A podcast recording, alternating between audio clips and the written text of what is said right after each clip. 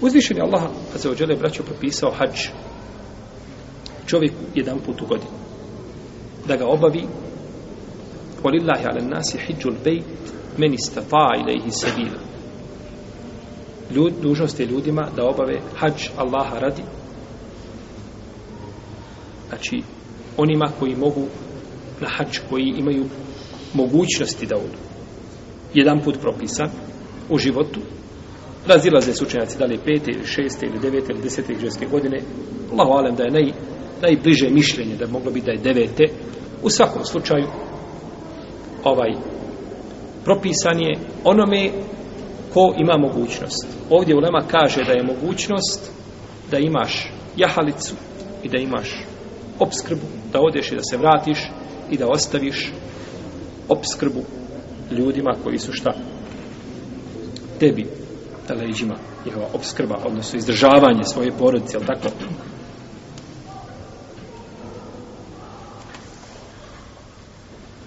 Jer je došao čovjek, rekao je poslanik sa ashabima, kad došao u muslima u sahiju, ja imam nas, inna Allahe farad alaikum al-hađe fe huđu. O ljudi, Allah vam je propisao hađ, pa obavljajte hađ. Kažu je, fi kulli amin, ja nebi Allah. Kaže li svake godine Allah poslaniče, kaže, le okultu nam ne vođebe, ole me. Da sam rekao da, bila bi obaveza, a vi to ne biste mogli izdržati.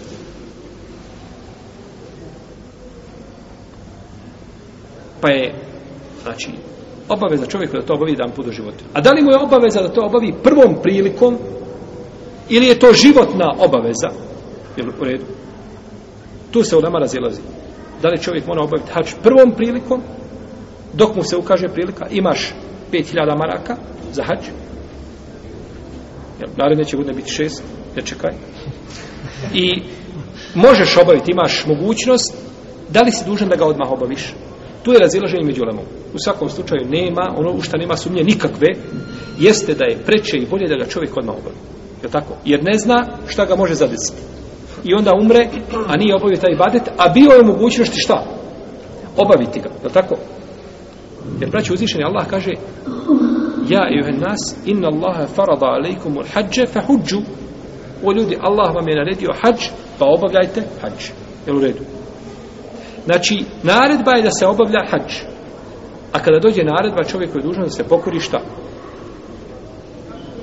Prvom prilikom je mogućnost, tako? Da se pokori.